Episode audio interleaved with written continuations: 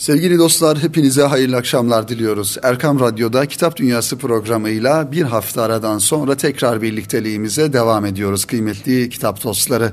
Ve yeni kitaplarımızla, yeni konularımızla tekrar huzurlarınızdayız. Ve bizleri şu an radyoları başlarında dinleyen siz kıymetli dinleyenlerimize en kalbi muhabbetlerimizi gönderiyoruz efendim Erkam Radyo'dan.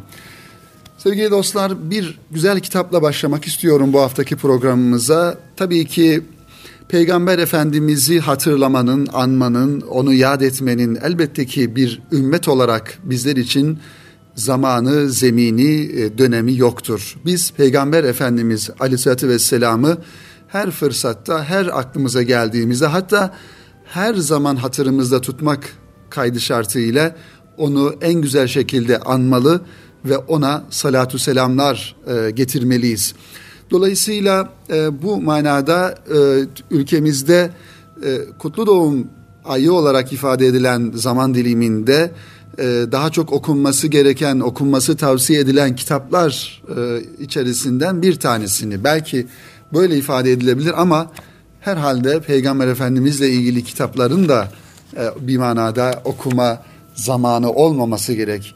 Onu anlatan, onun güzel ahlakını, onun e, siyerini, edebini, şahsiyetini, karakterini anlatan kitapları biz her zaman, her dönemde hatta her gün belki okumak durumundayız. Peygamber Efendimizin o güzel hayatından hayatımıza en güzel ahlak örnekleri e, ve e, ahlak parıltıları aksetsin diye onu okumalıyız. İskender Pala her, herkesin, hepimizin özellikle kitaplarla ilgili okuyan e, insanların bildiği, tanıdığı bir isim. İskender Pala'nın e, Türkiye'de daha çok bilinen yönü divan şiiriyle alakalı yazmış olduğu kitaplar ve hatta divan şiirini sevdiren yazar, sevdiren insan olarak bilinmesi de İskender Pala'yı daha farklı kılmış oluyor. Edebiyatçı e, bir e, kimliği olan yazar bir dönem e, Türk Silahlı Kuvvetleri'nde e, askeri rütbesiyle hizmet ettikten sonra 28 Şubat mağdurlarından birisi olarak daha emekliliğine iki ay kala e, ordudan atılan insanlardan bir tanesi İskender Pala. E, Tabi İskender Pala'nın kitaplarını okuduğunuzda e, böyle bir karakterin e, bir asker kimliğiyle yani askeri vazifede e, görev almasının da e, gerçekten e, ilginç olduğunu, e, ilginç olduğunu insana düşündürüyor. E, zira bu kadar e, güzel, bu kadar duygusal, bu kadar edebiyata, şiire, e, nesire e, yatkın bir kalemin e, bir yönüyle e, bir asker üniforması içerisinde görev yapması da e, bu insanın e, farklı kabiliyetlerinin olduğunu da ortaya koyuyor. Ee, İskender Pala'nın tabii ki birçok kitabı var e, bu manada yazılmış ama son çıkan kitaplarından bir tanesi e, kapı yayınlarından çıkan şu an elimde bulunan ben bu kitap kütüphanemde uzun zamandan beri duruyordu e, ve biraz okuduğumda gerçekten akıcı bir dili, e, duygusal, lirik bir dili olduğunu gördüm. Diğer kitaplarında olduğu gibi İskender Pala'nın ve e, bir anda Peygamber Efendimiz'i hem programımızın e, ilk dakikalarında onu yad ederek programımıza e, başlamanın hem de siz kıymetli kitap dostlarını bu güzel kitaptan haberdar etmenin e, isabetli olacağını düşündüm kıymetli dinleyenler ve bu kitapla ilgili size kısa da olsa bir malumat vermek istiyorum. Kitabın ismi Bülbül'ün 40 şarkısı ve e, kapı yayınlarından çıkmış birinci baskısı 100 bin baskı yapmış e, öyle yazıyor üzerine e, ve tabii ki özellikle e, Peygamber Efendimizin hayatını farklı bir e, üslupla roman e, tadında okumak isteyen e, dinleyenlerimiz için e, kitap dostları için tercih edilebilecek olan bir kitap. Diyor ki İskender Pala kıymetli dinleyenlerimiz bu kitabın e, baş tarafında özellikle bir teşekkür sayfası var. Teşekkür sayfasında bu kitaba e, katkı sağlayan başta Diyanet İşleri Başkanı, eski Diyanet İşleri Başkanı artık e, Mehmet Görmez Hoca'nın bu arada Mehmet Görmez Hoca'yı da e, Diyanet İşleri Başkanlığı döneminde yapmış olduğu güzel görevlerden dolayı da tebrik ve teşekkür etmek gerekiyor. Gerçekten Diyanet İşleri Başkanlığı'na çok farklı bir ivme kazandırdı.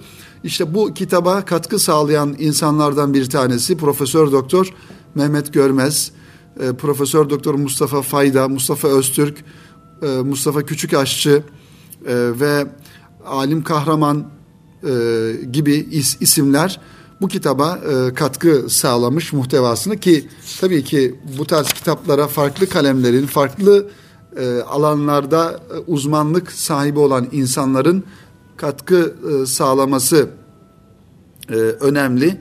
Onun için evet bu açıdan baktığımızda e, kitabın bir tarih kitabı olması hasebiyle e, katkı sağlayan isimlerinde e, kim oldukları kimlikleri önem kazanıyor. İşte e, tabii kitabın e, teşekkür bölümünden sonra yazılış sebebini açıklıyor İskender Pala ve yazılış sebebini de yine başka bir peygamberden e, örnekleyerek onun ismini anarak e, buraya yazılış sebebini ifade etmeye çalışıyor. Bakalım ne diyor e, yazılış sebebine. Diyor ki ay gibi parlayan Yusuf Mısır'a köle diye getirilmiş, pazarda satılacaktı. Herkes ona bir paha biçiyor, aşıkları sıraya girmiş, müşteri yazılıyordu. Kimisi sandık sandık mücevher, kimisi çuval çuval misk, kimisi top top kumaş hazırlıyorlardı. Raiç yükselmiş, fiyat arttıkça artmıştı. Tam o sırada yüzündeki çizgilerden bütün ruhunun haritası okunabilen iki büklüm bir ninecik korkak adımlarla kalabalığa yaklaştı. Heyecandan sesi titriyordu. Bana yol açın, Yusuf'u almak istiyorum. Sakın beni unutmayın. Mezatta pey süreceğim, bana yol açın diyordu. Muhafızlardan biri önünü kesti. İlahi nine, asillerden ve zenginlerden bunca aşığı varken Yusuf'u neyle alacak mezat terazisinin kefesine ne koyacaksın dedi. Ninecik elini kuşağına attı. İşte bir kelep ip size. Tam 99.999 ilmek yaşlı gözlerimin emeği dedi. Muhafız usulca koluna girdi, üzülmesini istemiyor gibiydi. Aklın var mı senin annem? Herkes bunca hazineler yağarken meydana, eğirdiğin şu keleple mi Yusuf'a talipsin? Ninecik Yusuf'u yürekten seviyordu besbelli. Muhafızın samimiyetini görünce çözülü verdi.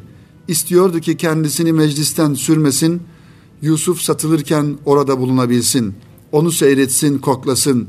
Yalvarır gibi boynunu büküp mırıldandı. Bilirim oğul, metaım herkesten aşağıdır ama gönül de Yusuf'u istiyor.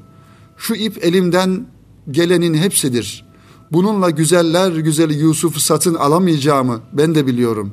Lakin maksadım odur ki beni de onun talepleri listesine yazsınlar. O da Yusuf'a müşteriydi desinler. Ben müşteri olayım da belki de alıveririm diye nine içli içli Yusuf aleyhisselama olan muhabbetini ifade etmişti diyor İskender Pala kitabının yazılış sebebini bir yönüyle ima e, ederek Peygamber Efendimiz Aleyhisselatü Vesselam'ın o muhabbetine talip olduğunu anlatırcasına sevgili dinleyenler. Ve kitabın arka kapak yazısına baktığımızda diyor ki aynı duygu yüklü cümlelerle İskender Pala selamlar ki şeker dudakların vuslatı gibi içtendir. Elbette onadır. Hasretler ki aşıkların avazı kadar yanıktır. Elbette onadır.'' Övgüler ki özlem sözlerince fuzun ve arzular ki sevgililerin saçları misali uzun ona hep ona hep onadır. O ki güldür, o ki sevgilidir. Bütün mecburiyetler onadır. Çölde alevlerle küfürler kavururken insanlığı ve bir gün ortasında kızıl kayalara çarparken vahşetlerin tutuşturduğu dalga dalga nefesler bir melek adını andı onun. Sözcükler henüz yetim, sevgiler hançer sokumlarına mahkumdu. Goncalardan kan damlıyordu gülistanlara ve çırçır böceklerinin rüya aralığında cinayetler işleniyor, babalar kızlarını toprağa diri diri gömüyordu. Cinnet karargahına dönen yüreklerde hep aynı boşluk vardı ve masum kelebekler çarmıha geriliyordu. Yalnızca masum oldukları için. Zaman öyle bir zaman, mekan öyle bir mekandı. Ebabiller kara yere kararken Ebrehe'nin fillerini Gonca ana rahminde yetim kalıverdi. Kabe'nin duvarını bir kırlangıç kucaklamıştı oysa çığlık çığlığa. Ardından bir şair kollarını açıp haykırmıştı. Yaklaşıyor yaklaşmakta olan, yaklaşıyor yaklaşmakta olan, yaklaşıyor yaklaşmakta olan. Evet, avizesi cevza ışığı dolunay idi gecenin. Yaklaşmakta olan bir gül olup açtı ve yeminler edildi ömrüne. Gül açınca taşırdı insanlığın sevinç ırmaklarını ve dünya ilk kez dünya olduğunu hissetti.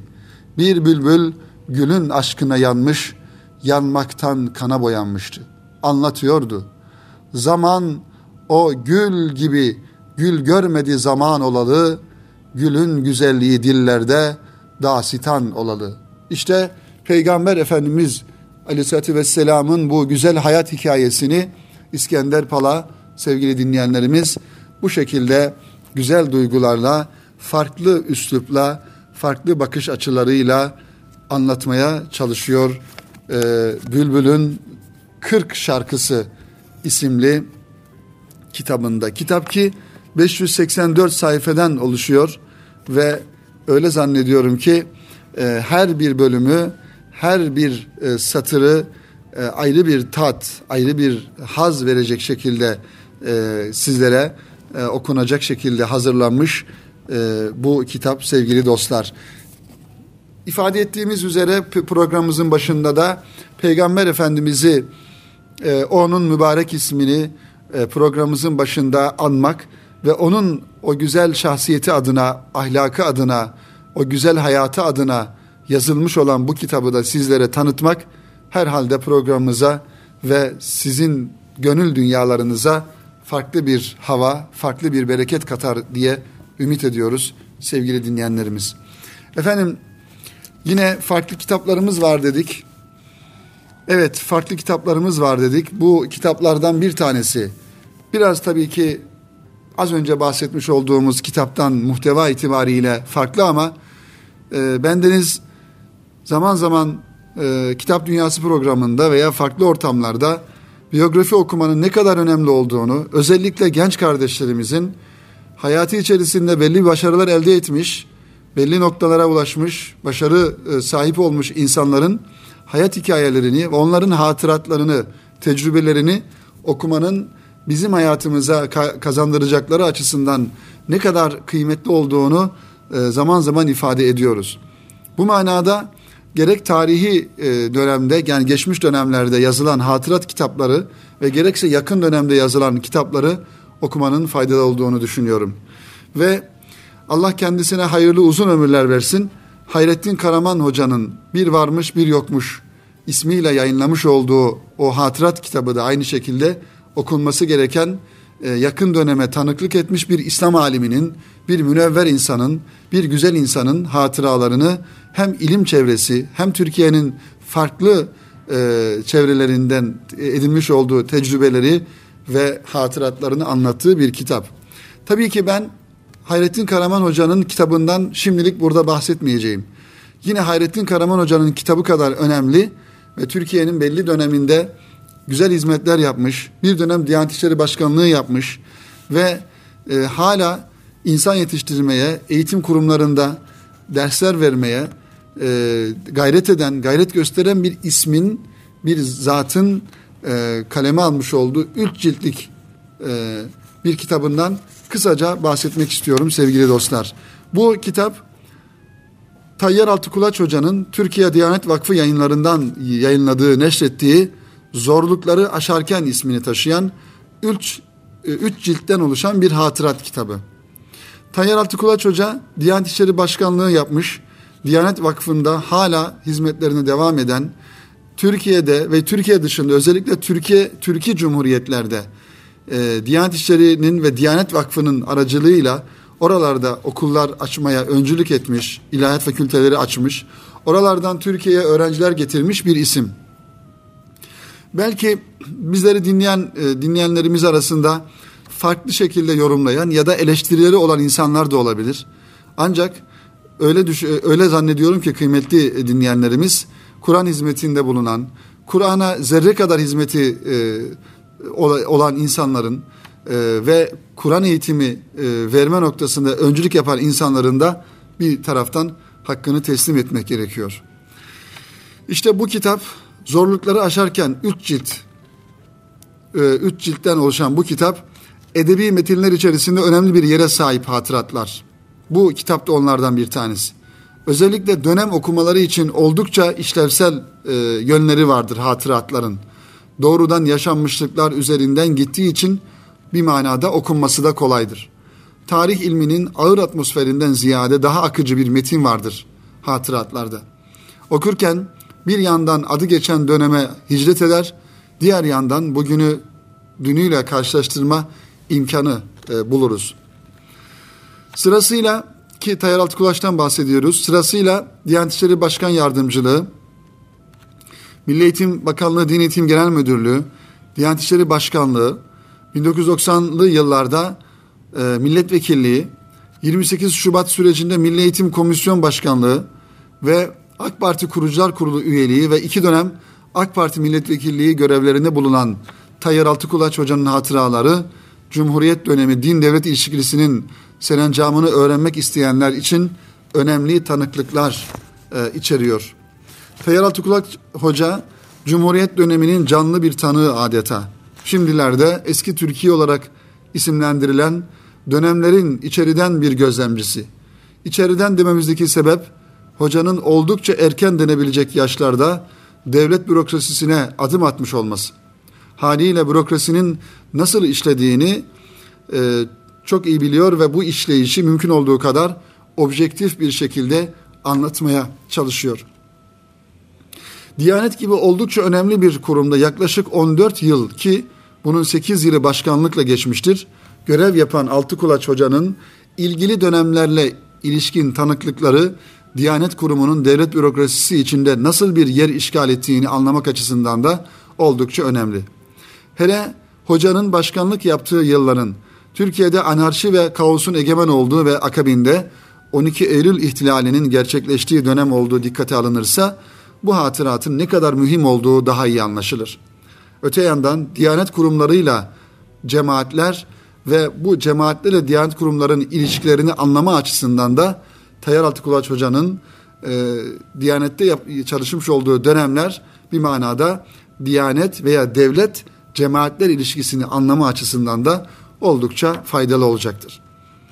Evet, ayrıca bir siyasi hareket olarak doğan e, Milli Selamet Partisi, Milli Nizam Partisi, Refah Partisi çizgisinin politik hedefler uğruna e, Diyanetli olan e, ilişkilerinde burada e, görebiliriz, burada okuyabiliriz.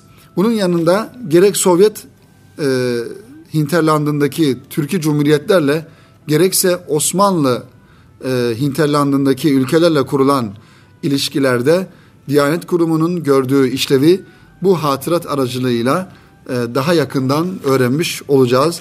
Tayyar Altıkulaç'ın zorlukları aşarken üç cilt olarak hazırlamış olduğu bu hatırat kitabını e, bir manada bu gözle de okumak lazım e, sevgili kitap dostları.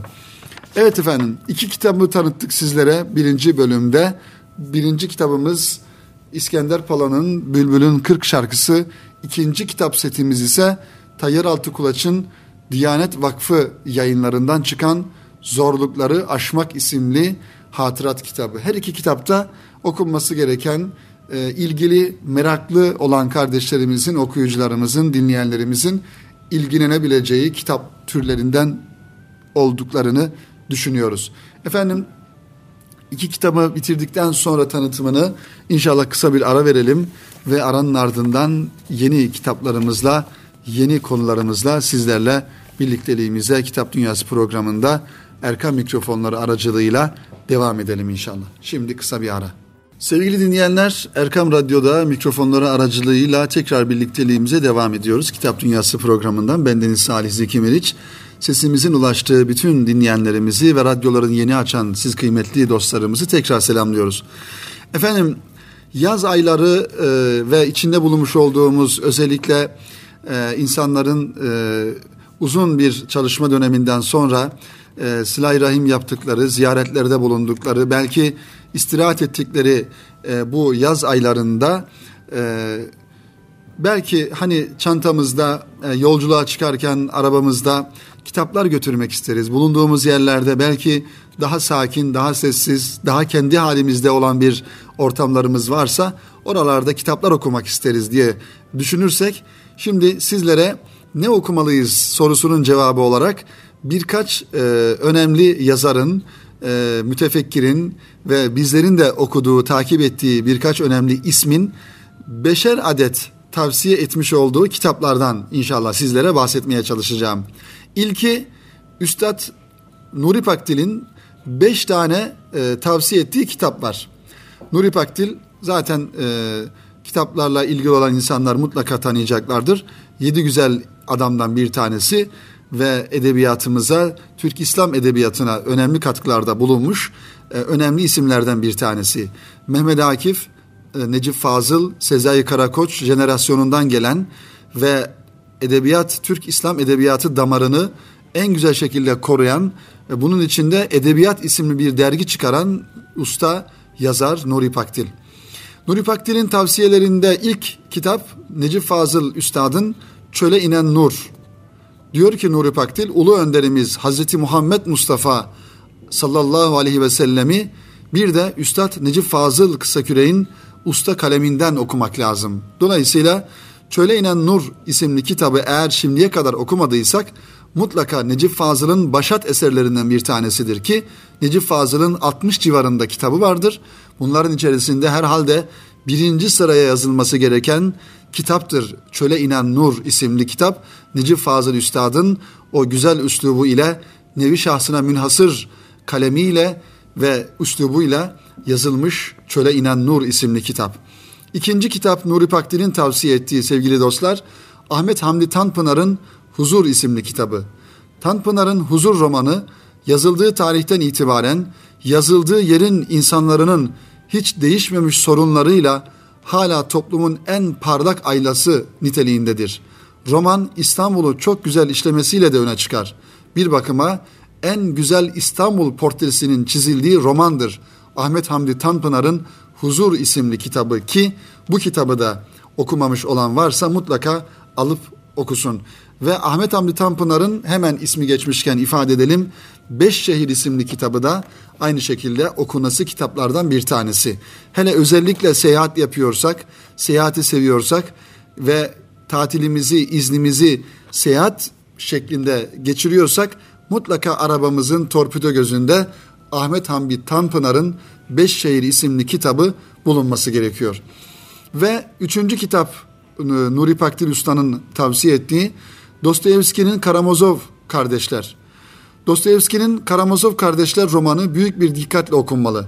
Rus insanının, Rus toplumunun çok güzel ve gerçekçi bir fotoğrafını ortaya koyuyor bu kitap. Çağının birçok yazarını, edebiyatçısını, sanatını, bilim adamını derinden etkilemiş bir isimdir Dostoyevski diyor Nuri Pakdil.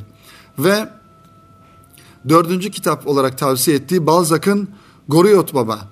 Balzac'ın Fransız yaşama biçimini, Fransız ailesini olağanüstü ustalıkla anlattığı çok önemli ve temel bir romandır. Balzac, Goriot Baba'dan sonra yazdığı eserlerdeki tüm karakterleri bu romandaki karakterlerle bir şekilde ilişkilendirmiştir diyor. Yani bir taraftan işte çöle inen nur, Ahmet Hamdi Tanpınar'ın huzuru, İstanbul'u tanıma açısından, diğer taraftan Dostoyevski'nin Karamazov kardeşler Rus toplumunu açıma, tanıma açısından ve Balzac'ın Goriot Baba'da Fransız insanını, Fransız yaşam biçimini tanıma açısından e, Usta Nuri Pakdil'in bize tavsiye ettiği kitaplardan ve son tavsiye ettiği kitap ise Alex Haley'in Malcolm X e, e, isimli kitabı. Asıl adı Malcolm X olan son yüzyılda yaşamış, çağa iz bırakmış öncü Müslümanlardan birinin sonraki adıyla Malik el Şahbaz'ın hayatını ve mücadelesini anlatan Alex Haley'in yazdığı otobiyografi kitabı özenle, hassasiyetle okunmalıdır diyor e, Nuri Paktil bize ne okumalıyız diye sorduğumuzda tavsiye ettiği beş tane kitabı sıralarken. İkinci kita ikinci tavsiye e, eden insan Arif Ay e, kıymetli dinleyenler. Arif ayında bize beş tane kitabı, kitabı var burada tavsiye etti. Bakalım Arif Ay özellikle bu yaz dönemlerinde bizim okumamızı istediği, tavsiye ettiği hangi kitapları bizlere sunuyor. Arif Ay da yine ilk sıraya Üstad Necip Fazıl'ın bir kitabını, Hikayelerim isimli kitabını yerleştirmiş. Edebi açıdan üstadın hikayeleri şiirleri kadar değerlidir diyor. Necip Fazıl Kısakürek büyük bir, büyük bir üslup ustasıdır. Bu çok önemli kıymetli dinleyenler. Necip Fazıl Kısakürek kendine has üslubu ile e, döneminde ve döneminden önce ve sonra bir farklılık ortaya koymuştur. Hikayelerinde bu ustalığı görmenin yanında kurgudaki zeka ışıltılarının büyülü atmosferi insanın temel gerçekliklerinde e, buluşturur okuru diyor Arifay. Necip Fazıl'ın Hikayelerim isimli kitabını bize tavsiye ederken. Ve ikinci e, tavsiye edilen kitap Sezai Karakoç'tan. Bu kitabın ismi de Gün Doğmadan. Sezai Karakoç günümüz Türk ve dünya edebiyatının büyük şairlerinden birisidir. Onun şiirleri İslam medeniyetinin geçmişten günümüze uzanan en derinlikli, en estetik ırmağının bize armağanıdır. Müslüman duyuşunun ve duyarlılığının şiirde en seçkin örneğidir gün doğmadan. Ki Necip e, daha doğrusu Sezai Karakoç'un bu manada İslam isimli kitabı da e, Hızır'la 40 Saat kitabı da ve şiir kitabı olarak tabii ki Mona Rosa'yı e, ifade etmek lazım. Sezai Karakoç sevenleri, hayranları için bir taraftan, onun takipçileri açısından mutlaka okunması gereken kitaplardan. Ve e, Arif Ay'ın üçüncü tavsiye ettiği isim Nuri Pakdil. Bir yazarın notları e, dört kitaptan oluşuyor bu. Nuri Pakdil'in tüm kitapları dil, anlatım ve bilinç laboratuvarıdır diyor. Türkçe'ye yeni anlatım olanakları kazandıran Nuri Pakdil, insanları özelde, ülkemiz genelde dünya sorunları üzerinde düşünmeye yöneltirken bilinç açıcı bir söylem gerçekleştirir aynı zamanda ki Nuri Pakdil de aynı şekilde nevi şahsına münhasır bir karakterdir. Ve aynı jenerasyondan başka bir isim Rasim Özönören'in Gül Yetiştiren Adam isimli kitabı. Usta bir hikayecinin kaleminden çıkan roman olmasının yanında rejime küserek evine kapanan bir insanın dünyasından hareketle inanan insanın buğzuna, öfkesine ve karşı duruşuna göndermeler yapılır bu kitapta. Rasim Özdenören'in Gül Yetiştiren Adam isimli kitabını da eğer okumayan varsa kıymetli dostlar mutlaka alıp okuyalım. Ve daha yakın bir dönemden Turan Koç Hoca'nın e, İslam Estetiği isimli kitabını da Arif Ay bize tavsiye ediyor. Sanatımızın hareket noktası, niceliği, niteliği konusunda yazılmış ilk yerli eser. Önemli bir nokta burası. Üstelik bir şairin kaleminden. Yazarlığa, şi- şairliğe heveslenen herkesin mutlaka okuması gereken bir kitap. Profesör Doktor Turan Koç'un İslam Estetiği kitabı da e, önemli bir kitap ki bu kitabı geçtiğimiz programlarda Kitap Dünyası programında sizlere e, anlatmıştık, sizlerle paylaşmıştık sevgili dostlar. Ve son beş kitabımız yani tavsiye niteliğinde Cihan Aktaş'ın bize e, tavsiye ettiği şu dönemde okumamız gereken beş tane kitabından birincisi Tolstoy'un Diriliş isimli kitabı. Dirilişi ustalıklı kurgusunun yanı sıra genç insana hayata hayatı nasıl yaşaması gerektiğine dair ciddi bir sorgulamayı sunduğu için de okumak gerektiğini düşünüyorum diyor Cihan Aktaş. Ve ikinci kitabı tavsiye ettiği Halide Edip Adıvar'ın Sinekli Bakkal. Sinekli Bakkal kadın meseleleri alanında e, dönemlere özgü şartlanmalarımızı sorgulamamızı sağlayan ve mahalleden geniş bir coğrafyaya dağılan hikayesi açısından okumaya değer bir kitap. Halide Edip Adıvar'ın Sinekli Bakkal isimli kitabı.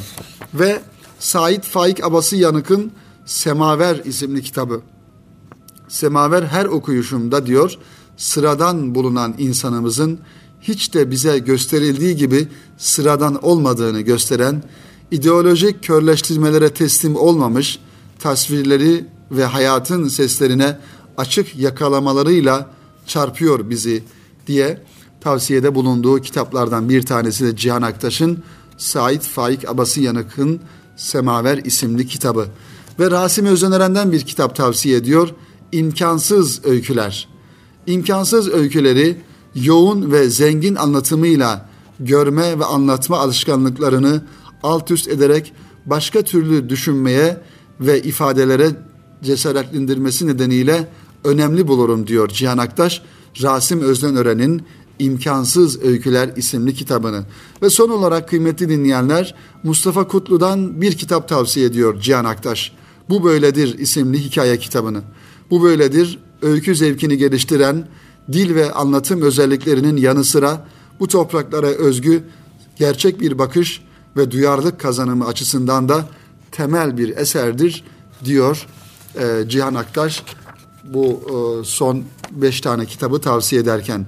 Nuri Pakdil'den, Arif Aydan ve Cihan Aktaş'tan beşer adet kitap sizlere tavsiye ediyoruz sevgili dostlar. Daha doğrusu bu yazarların bize tavsiye ettiği kitapları sizlere e, bildiriyoruz. Bunları sizlere ifade ediyoruz. Umarız tatile çıktığınızda, yolculuğa çıktığınızda, bir yere gittiğinizde İstanbul'un kalabalığından ve şehrin gürültüsünden kurtulmak istediğiniz şu dönemde gittiğiniz bir herhangi bir yere mutlaka yanınızda, çantanızda, arabanızda mutlaka kitaplarla beraber gidin ve orada bu kitapları okuyun diyoruz sevgili dostlar. Efendim e, programımızın sonuna gelmiş bulunuyoruz. İnşallah e, iki tane daha kitabımız vardı. Ancak onları da inşallah önümüzdeki e, haftaya bırakalım diye düşünüyorum. Bunlardan bir tanesi son zamanlarda Kur'an ve sünnet tartışmaları e, devam ederken aslında çok anlamsız bir tartışma. Peygamber Efendimizin sünnetin neyini tartışacağız diye baktığımızda tartışacağımız hiçbir şey yoktur aslında o konuda. Çünkü Kur'an ve sünnet peygamber tartışılmaz. Ama maalesef tartışıyorlar. Bu anlamda İslam düşüncesinde sünnet isimli bir kitap var. Hayri Kırbaşoğlu'nun bu kitabı sizlere inşallah önümüzdeki hafta anlatmaya çalışacağım ve yakın dönemde rahmeti rahmana kavuşan kıymetli bir yazarın e, ardından yazılan bir yazı var. Akif Emre'nin arkasından Suavi Kemal Yazgıç'ın kaleme aldığı güzel bir yazı.